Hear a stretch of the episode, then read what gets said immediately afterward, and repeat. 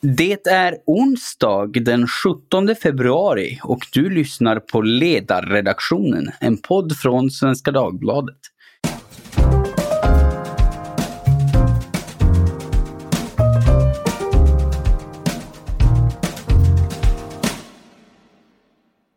Jag heter Jesper Sandström och idag ska vi prata om vithet och rasism.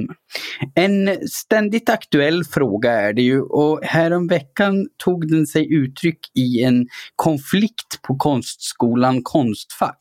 Där så kräver nu ett anonymt konstnärskollektiv under namnet Brown Island att ett av skolans rum kallat Vita havet ska byta namn eftersom de uppfattar namnet som rasistiskt och förtryckande. Sara Kristoffersson, som är professor i designhistoria på Konstfack, valde att bemöta kollektivets påståenden och förklarar i en debattartikel på DN Debatt hyfsat pedagogiskt att namnet inte alls har någonting med vare sig ras eller rasism att göra. Det är en republikansk blinkning till rummet med samma namn i det kungliga slottet. Debatten om saken har blivit hetsk och eh, Kristoffersson fick flera kollegor emot sig. I en replik så anklagar de henne för att ägna sig åt skadlig maktutövning. Så vad är det egentligen som händer här? Reagerar konstnärskollektivet på faktiska problem med rasism som sen slätas över av Kristoffersson? Eller letar de problem där sådana inte finns? Och hur gör man för att diskutera problematiken med rasism på ett vettigt, sansat och lösningsfokuserat sätt? Med mig för att rota i det här så har jag två kloka människor. Min spaltkollega från en annan del av tidningen, eh, Josefin de Gregorio från Svenska Dagbladet Kultur. Hej Josefin! Hej, hej Jesper! Och Barakat Gebrehavriat, entreprenör, programledare för podden Kan vi prata om vithet och likabehandlingskonsult som i den rollen har haft bland annat just Konstfack som kund. Hej Barakat! Hej, många hattar. Tack så mycket för att ni vill ha med. ja, det är bra att ha många, många hattar. Uh, ja, eh, men Josefin, om vi börjar med dig. Du har ju en text i dagens tidning med rubriken Rasistbråket får varningsklockorna att ringa, mm. som handlar om just den här konflikten på Konstfack. Kan du brodera ut lite kring varför du skrev den? Vilka varningsklockor är det som ringer? Mm. Ja, att jag skrev den här texten har ju egentligen inte så mycket med själva sakfrågan om det här rummets namn att göra som att jag reagerade ganska starkt på det här uppropet som Sara Kristoffersson fick mot sig där 44 kollegor skrev och anklagade henne för maktutövande. För jag ser det här som en del i en vidare trend som finns både här i Sverige men också till stor del i Storbritannien där jag var vid universitetet i tio år Eh, där man reagerar enormt starkt på att kollegor uttrycker en avvikande åsikt i ett kontroversiellt ämne och att det då mm. finns en sorts vilja att, att tysta eller att eh, säga du har fel, peka ut. En sorts puritanism som gör att man får inte ifrågasätta vissa saker. Och, eh, jag tycker det är problematiskt av många skäl, bland annat för att det gör ju att arbete mot rasism till slut alltid hamnar i någon sorts symboldebatt. Eh, och jag tror inte att någon tjänar på det egentligen. Och så är jag oroad över yttrandefrihetsfrågan i det. Mm, ja precis, ja, vi, ska, vi ska komma in lite på det. Men eh, Barakat, när du har läst Josefins text och när du hör hennes resonemang här, vad, vad tycker du? Har hon fog för sina varningsklockor? Ja, alltså jag, jag, tänker att eh, det är alltid viktigt att ha en eh, nyanserad och eh, balanserad diskussion om, om rasism. På ett, eh, eh, från ett akademiskt perspektiv så tycker jag att eh, frågan om var gränsen går mellan vad som är rasistiskt och inte rasistiskt är hyperintressant och det är någonting som jag i, i min framtida forskning kommer att vilja gräva ännu mer i. Eh, så sen huruvida liksom, eh, det beror på vilka öron vi har liksom, baserat på vilka varningsklockor vi hör och inte hör. Liksom. Så att det, det är svårt för mig att, att recensera huruvida Josefins um, um, um, åsikter och tankar kring, kring uh, kring uh, händelsen är befogade eller inte. Men, men ser du något problem, alltså ser du att sån problematik kan uppstå? Att, att det, när det kommer till kontroversiella frågor, till exempel rasism, så kan stämningen bli väldigt hetsk på så sätt att det blir svårt att uttrycka en avvikande åsikt. Har du någonsin sett den problematiken själv? Det vad jag har sett däremot, är, som jag nämnde innan så har jag varit bland annat på Konstfack och jag eh, skriver en bok i, i ett ämne som eh, på ett populärvetenskapligt eh, plan kan kallas för teoretisk ångest. Det vill säga liksom någon form av generaliserad rädsla eller oro för att trampa fel i vad som många gånger är en väldigt dynamisk begreppsdjungel. Alltså jag har förståelse för, för just den, den, eh, den känslan och eh, att den ibland kan, kan driva eh, diskussionen söderut så att det blir en, en, eh, en debatt som, som hamnar eh, i, på en planhalva som kanske inte gynnar någon av oss. Så det, det kan jag på principiell nivå eh, förstå. Men jag tänker också att det, det har väldigt mycket att göra med Eh, en del av det, jag är utbildad journalist, eh, journalist, journalist och jag vet ju också att det finns en inbyggd medielogik att man kanske tenderar att intressera sig mer för konkreta och, och symboliska händelser snarare än abstrakta eh, fenomen som ju rasism många gånger är. Jag vet ju också att ja. själv i, i, alltså, i egen regi så har jag under över 15 år nu liksom försökt många gånger lyfta frågor om rasism på arbetsmarknaden, eh, hatbrott och, och väldigt konkreta eh, händelser som, som medierna kanske inte alltid är lika intresserade eller pigga på att plocka upp av, av diverse anledningar. Alltså det, det, det, kan bli så att eh, just det här sensationslystna, eh, eh det, det, kan ges företräde för mer tråkiga vardagliga Eh, ja, nästan, nästan eh, byråkratiska dis diskussioner om strukturell diskriminering på arbetsmarknaden. Ja, ja, jag förstår. Eh, och Konstfacks rektor doktor eh, Maria Lantz, när hon uttalar sig i den här frågan, då, hon menar ju att nej, men namnet Vita havet är inte rasistiskt i sig, men hon säger att däremot kan det finnas möjligheter att tolka det som ett opassande namn beroende på omständigheter i världen. Och Josefin, du, du kallar det för ett minst sagt ängsligt uttalande. Vad, vad är det du upplever som så ängsligt? Jag tänker att vi måste någonstans hålla fast vid att intentioner och historia spelar roll, att ord betyder någonting och att det blir lite märkligt att Vita havet ska flyta fritt på det sättet. Det är ju något som mm. är konkret grundat i blinkningen till festvåningen på slottet. Det handlar ja. liksom inte om vithet på det sättet.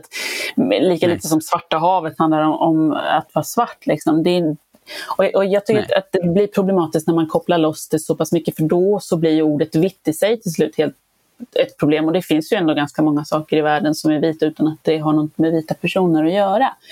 Och det ja. blir en slags ordmagi som jag tycker det blir så ängsligt så då vet jag inte snart om vi kan kalla någonting för någonting längre. Nej, ja, nej, men jag tycker precis. också att det är en debatten om jag ska vara helt ärlig. Alltså jag tycker att det är en elak läsning av det som studenterna uh, lyfter fram. De är väldigt noggranna med att poängtera att de absolut inte menar att färgen vit är rasistisk i sig. De poängterar det i debattartikeln. Så jag tycker att det är lite, det är lite att dra för höga växlar på det. Det, ja, det, alltså, läsa, det, är läsa, det läsa det som fan läser Bibeln. Jag tycker att det är lite orättvist. ja, men alltså, alltså så här. Ehm, så här, de, jo, jo de, de understryker att nej, de tycker, de tycker inte att färgen vit är rasistisk just här. Men, men de, de tycker ju att namnet Vita havet eh, är problematiskt trots att det inte alls har någon koppling till ras eller hud, hudfärg. Det har en, en uppenbar och tydlig historisk koppling Eh, till ett rum på Kungliga slottet. Men de vill ändå koppla det till, till, att handla om ras. Och det, det mm. kan jag också tycka är lite, lite problematiskt. För det, man landar ju någonstans i att ja, men då, då kan ju ord betyda exakt vad som helst. Då, då spelar ju historia och intention inte längre någon roll. Och, kan, alltså, Barakat, kan du instämma i att det kan bli problematiskt eller tycker du att studenterna har en poäng som vi, inte, som vi missar här? Jag tror att det kan vara både och om jag ska vara helt ärlig. Alltså, jag brukar alltid prata om det som jag kallar för proportionalitetsprincipen. Alltså, jag själv har haft situationer då, i min bok som jag skriver så pratar jag om det som jag kallar för snedtändningar. Det har till och med funnits, till exempel funnits situationer där jag eh, har blivit bemött eh, på, på engelska av någon som tolkar min kropp som främmande. Alltså det är det som man kan kalla för rasifiering eller att det finns, att det också kan, eh, vi behöver en begreppsapparat för att diskutera komplexa fenomen. Jag tillhör den skolan mm. som menar att rasism är ett komplext fenomen som utspelar eh, sig i ett brett spektrum. Ibland så är det explicit, in your face och ibland så är det mycket mer subtilt och, och, och hårfint och kan vara svårt att debattera. Så jag har varit med i situationer till exempel där människor alldeles uppenbarligen tolkar min kropp som främmande, läser mig som en avvikare och därför pratar engelska med mig. Och det är ju liksom ett irritationsmoment som man inom ja. forskningen har sett liksom att det här kan skapa minoritetsstress. Man har sett att en långsiktig och långvarig exponering för rasism faktiskt resulterar i fysiologiska reaktioner. Det vill säga att man faktiskt kan få eh, mental ohälsa kring det. Vad jag försöker säga är mm. det har också funnits situationer där människor har pratat engelska med mig för att de pratar engelska. Och då har jag kanske instinktivt varit snabb med att påpeka någonting. Men då har jag också förstått, okej okay, här var jag ute och cyklade. Men, mm. Eller andra mm. situationer när jag läste en eh, LinkedIn-artikel där Microsoft skulle ha en, eh, en debatt och där det stod integration.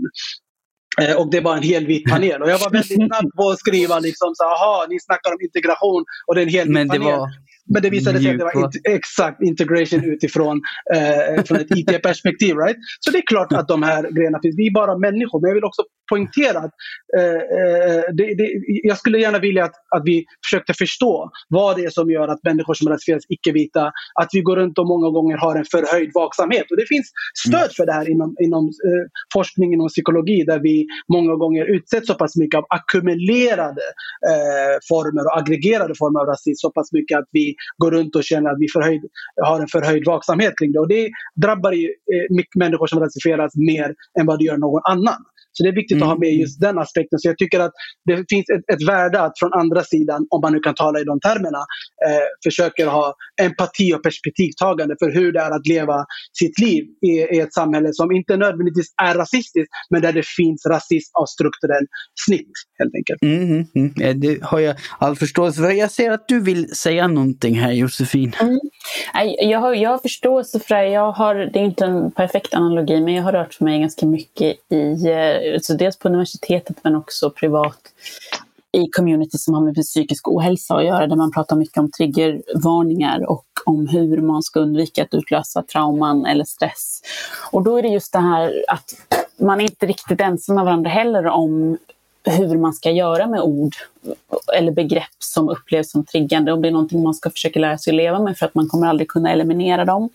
Eller om man ska förvänta sig att andra ändrar sina beteenden. Och det är ju inte riktigt samma sak för att vi ska naturligtvis eh, inte ha rasistiska beteenden i, i samhället. Men när det blir så här om, om, om ord som Vita havet så tänker jag, vem tjänar egentligen på att det blir så pass känsligt att eh, ja, jag, jag är bara rädd att, att det ska göra saker och ting värre.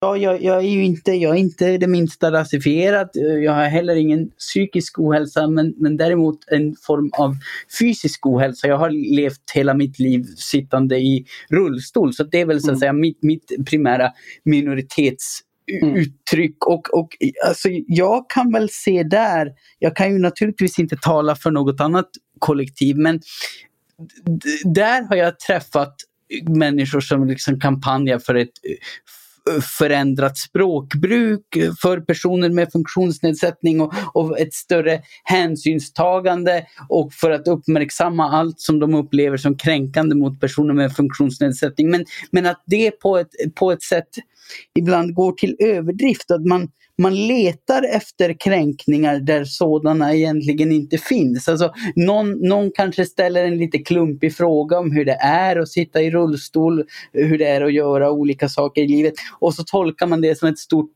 stort strukturellt förtryck fast det egentligen bara var en, en, en, en naiv och, och helt vanlig mänsklig klumpighet. Att leta ögonblick där man le, eh, upplever sig illa behandlad fast det egentligen inte finns någon ond intention. Mm. Det kan väl i sig leda till att man mår dåligt och drabbas av stress helt i onödan. Eller är jag, är jag ute Nej, jag tycker att du gör många goda poänger. Alltså, och jag, jag, vill säga en sak, jag hann inte utveckla mitt resonemang kring eh, proportionalitetsprincipen och det vill jag säga ganska kort egentligen. Det är att ibland är det också så faktiskt att vi hellre diskuterar eh, människor som utsätts för rasifiering, eh, våra reaktioner snarare än rasismen i sig. Och det varnar ju även Josefin för och det tycker jag är mm. hälsosamt att göra. det finns en risk att vi, att vi missar stora viktiga diskussioner eh, och hellre fokuserar på saker som eh, utifrån någon slags eh, prioriteringskarta är av mindre eh, relevans. Och, och, så. och det mm. andra det är just att du nämner det här med intention. Jag tycker intention är ett spännande begrepp. Jag tycker intention är viktigt men det är inte nödvändigtvis avgörande. Jag försöker alltid säga när jag är ute och pratar och diskuterar och debatterar att vi måste fokusera på impacten, det vill säga effekten. För det är många gånger så att vi kan göra saker som vi inte har för avsikt att göra men det kan fortfarande mm. leda till diskriminerande handlingar. Låt mig ta ett perfekt exempel. Till exempel så pratar du om det här med att vara ängslig. Och jag, när du berättade om att du sitter i rullstol till exempel så var jag lite ängslig kring hur jag skulle förhålla mig till det. Och jag var inte säker på exakt vilken terminologi jag skulle använda. Right? Även om jag är på intellektuell nivå insatt i det där så skapar det ändå någon form av så här känslomässig i brist på bättre ord, ångest. Och det är det som man brukar kalla Exakt. för teoretisk mm. ångest. Och då ska jag säga så här. Eh, jag kommer aldrig säga det här i ett annat sammanhang, men i, i, det här sammanhanget kan jag tycka att ett visst mått av ångest är bra. För det visar att Nej, du bryr dig. Det visar att du inte vill göra saker för att kränka eller såra eller diskriminera andra människor. När jag fick kontor på Gamla stan för en fem, sex år sedan eller vad det nu var, så bjöd jag in eh, till um, jag var väldigt stolt över det. Så jag sa kom gärna och ta en fika hos mig. Och då var det en person som satt i rullstol och hörde av sig till mig och sa, är det tillgänglighetsanpassat? Jag ska mm. villigt erkänna att jag tänkte inte den tanken en enda gång. Jag tänkte Nej. inte det. För framför mig så hade jag människor som kan gå och som inte har problem att liksom orientera sig fram i svårnavigerad terräng som Gamla stan är med tanke på sina kullerstenar.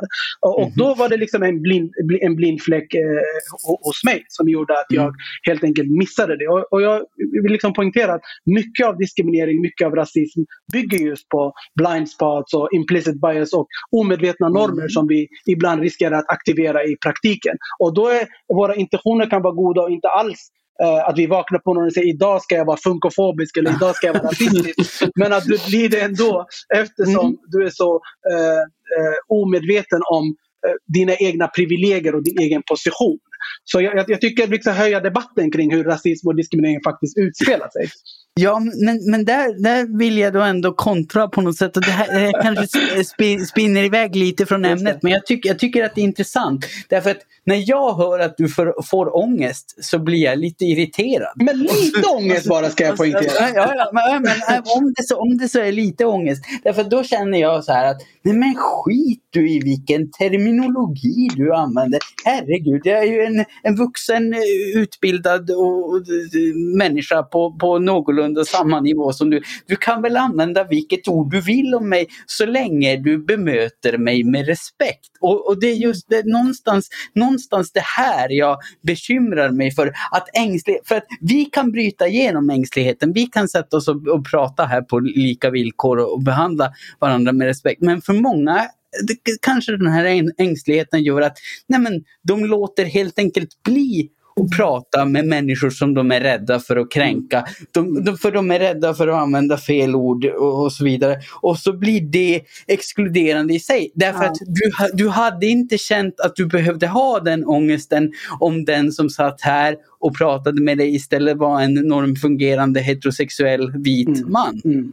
Men, äh, låt mig säga två saker snabbt. Och, och på tal om ångest, jag, jag, sitter också och tänker väldigt mycket på att det, det inte ska bli talartiden inte ska vara oproportionerlig. Alltså att det inte ska bli två snubbar som pratar med varandra. Och jag ska säga så här, jag, jag säger det här för att jag vill nämna att visa liksom att det är okej okay att känna så. Att speciellt om, om, om, om vi gör det för att skapa mer inkluderande rum. Om vi är medvetna om att vi ibland på ett omedvetet plan kan, kan, kan bete oss på ett sätt. Och jag är glad att Josefin just tog upp beteenden. Att vi kan bete oss på ett sätt som är diskriminerande. Jag har fått höra många gånger att jag mansplainar, att jag håller monologer, att jag mm. mailbondar. Och därför tycker jag att ord är spännande för att de kan ge oss eh, en insikt i komplexa beteenden.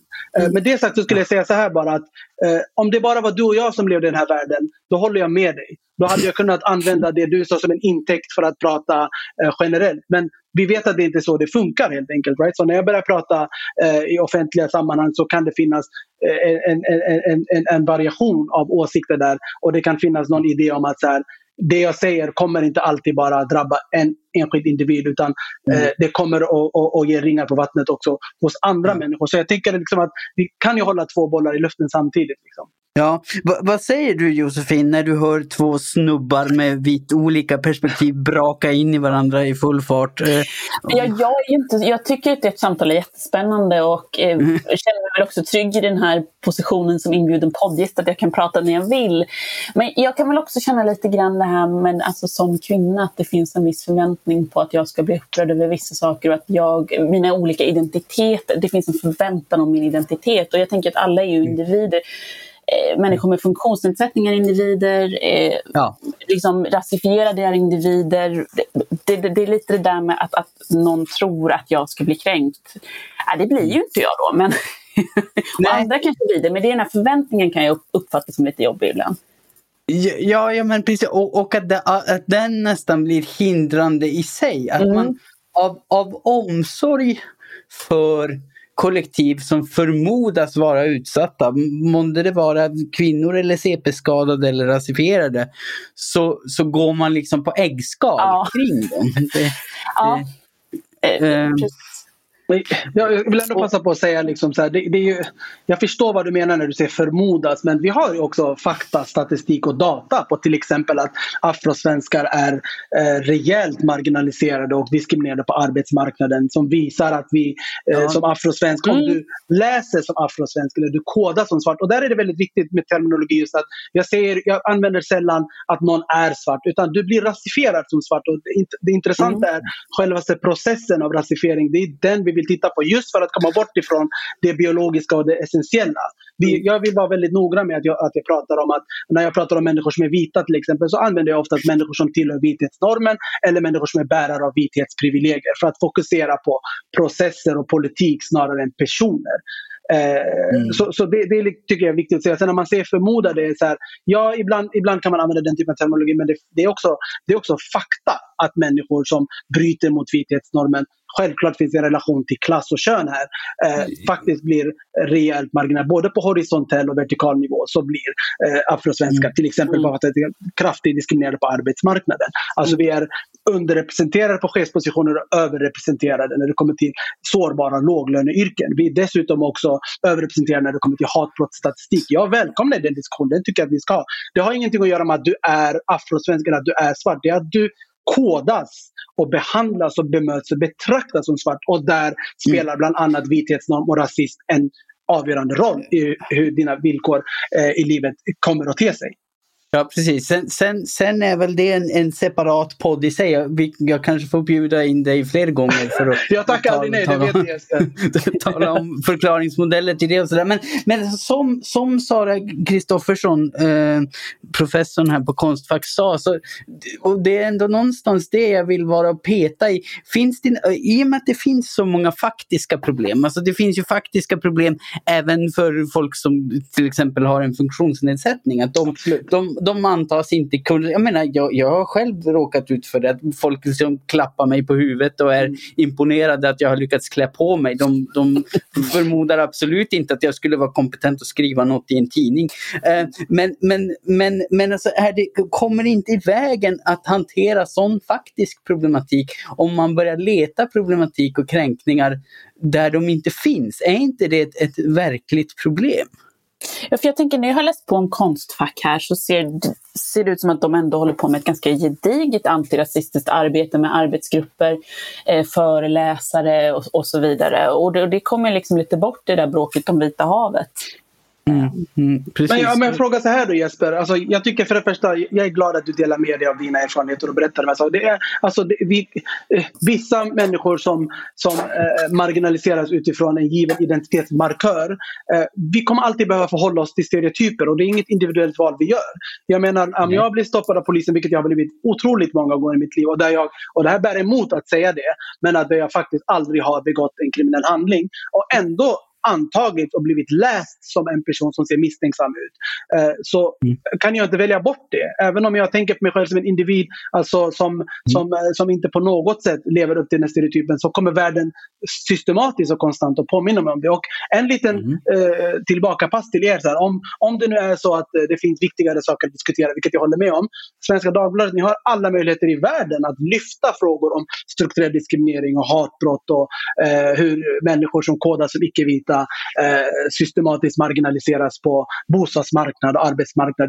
Liksom. Så det, det, det, det, går ju att göra det. Vad är det också som gör att medier tenderar att vara djupt intresserade av att debattera eh, statyer över att prata om eh, jämlikhetsdata till exempel. Alltså det får man också alltså vara självkritisk där tycker jag. Uh, ja, nej men alltså jag, jag, jag, tycker att vi gör det. Jag tycker att vi, för, åtminstone på, på ledarsidan, kul, kulturdelen får tala för sig. Men det, det, det, jag har läst tycker jag ändå att de konflikt här. lyfter... nej, det tror jag inte. Inbördeskrig på Svenska Dagbladet, det får vara... nej, nej jag, jag, tror, jag tror vi är mer civiliserade än så. Nej, men alltså jag, jag, jag tycker att vi aktivt lyfter just det perspektivet att, att, att, att jag menar, det, det är ju en av våra grundidéer som, som liberal konservativ ledarsida. Att, att folk ska behandlas på exakt lika villkor och ha exakt lika rättigheter i samhället och, och inte någonsin diskrimineras på grund av vare sig funktionsnedsättning, sexuell läggning, ras eller no något annat som är irrelevant kollektiviserande. Så Det mm. gör vi ju också och det, och, och, och, det är väl just därför vi tar upp en sån här sak därför att vi, vi, eh, vi tycker att det är problematiskt att Eh, när det finns, när det finns faktiska problem, då är, det, då är det problematiskt att eh, det kommer en, en anonym och inflytelserik grupp och riktar ganska kraftigt strålkastarljus och kräver ganska långtgående aktioner på grund av något som, hur man än vrider och vänder på det, faktiskt inte verkar vara rasism. Alltså det är väldigt Ja, det, alltså jag, jag, måste säga två saker där Jesper och, och, och, jag tycker det är faktiskt viktigt att de är anonyma har jag full förståelse för, för, för i egenskap av att vara en person som rasifieras som svart och tar med ton i debatten. Det för att det leder till eh, allt ifrån mikroaggressioner till konkreta direkta hot. Så det, där tycker jag att vi får vara lite empatiska. Och det andra ja. är att, att, att, kalla dem för inflytelserika, ja visst men eh, grunddebatten handlar ju om att, vi, att de saknar institutionellt inflytande. Så jag menar det går inte ja. att jämföra individer individer mot institutioner, det, det, det vet du. Det, det måste du ja, tycka är orättvist att göra. Ja, men, men alltså jag, jag, jag tycker väl inte... Det finns ju en maktrelation här va? Deras arbete har ju ändå lett till konkreta åtgärder som olika arbetsgrupper och så vidare. Så eh, ja. Brown Island har ju lyckats influera konst. Konstfack har ju verkligen tagit till sig av den här kritiken. Nu, jag läste in mm. eh, en undersökande text i Konstnär nu där eh, olika mätningar som hade gjorts bland annat visar att Konstfack var en av de skolor som jobbade eh, bäst med antirasism och som faktiskt mm. hade tagit det på allvar.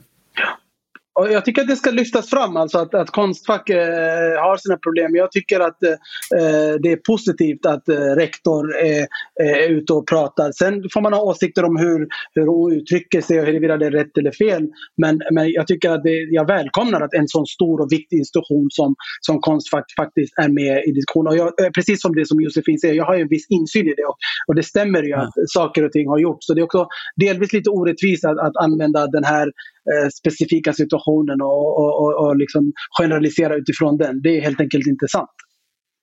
Nej, nej, men alltså jag, jag, jag, tycker inte vi generaliserar på något... något ja, jag tänkte brett, inte just ni två. Jag tänkte debatten överlag. ja, Okej, okay. nej, nej, men för att jag tycker att precis som man ska kunna peka ut rasism och, och kritisera den där den händer och säga det här, det här är rasistiskt, det här är fel, det här måste åtgärdas, här och nu omedelbums, no fucking around.